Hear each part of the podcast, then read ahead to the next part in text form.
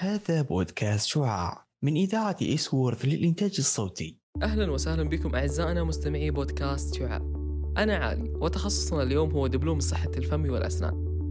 تخصص صحة الفم والأسنان يعتبر ضمن أحد التخصصات المهمة في فريق طب الأسنان حيث يهتم بالمهام العلاجية ويركز على الوقاية والعناية بالفم من أجل مكافحة تسوس الأسنان وأمراض اللثة.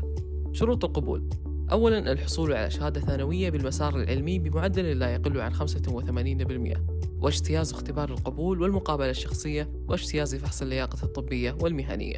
عدد سنوات الدراسة والساعات الدراسية. ثلاث سنوات تنقسم إلى خمسة فصول دراسية تتبعها ستة أشهر امتياز. إجمالي عدد الساعات للتخصص هي 77 ساعة. هل التخصص برسوم؟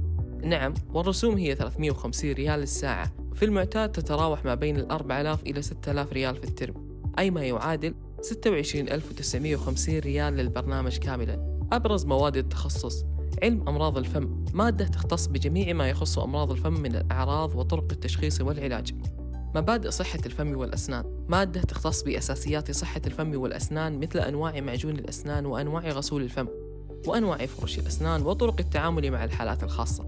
صحة الأسنان السريري يعتبر من أهم المواد في التخصص بحيث يعتمد بشكل كبير على التطبيق العملي في عيادات الأسنان والتعامل مع المرضى. أماكن العمل العمل في عيادات طب الأسنان الخاصة وعيادات المستشفيات ومراكز طب الأسنان المتخصصة والقطاعات الحكومية للصحة العامة وعيادات الصحة المجتمعية ومراكز الأبحاث ودور رعاية المسنين والمؤسسات التعليمية الصحية. المهام الوظيفية.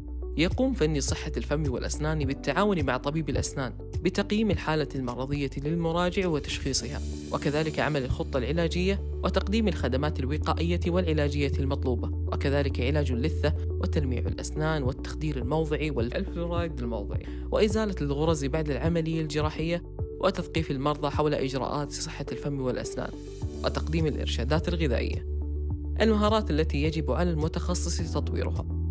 طلاقة اللسان باللغة الإنجليزية. القدر الكافي من الإلمام بالمصطلحات الطبية. مهارة إقناع المرضى والتعامل معهم. حب العمل بروح الفريق مع الطاقم الطبي. ختاما نتمنى لكم مستقبلا مشرقا متوجا بقصص النجاح. على المستوى الدراسي والمهني. في أمان الله.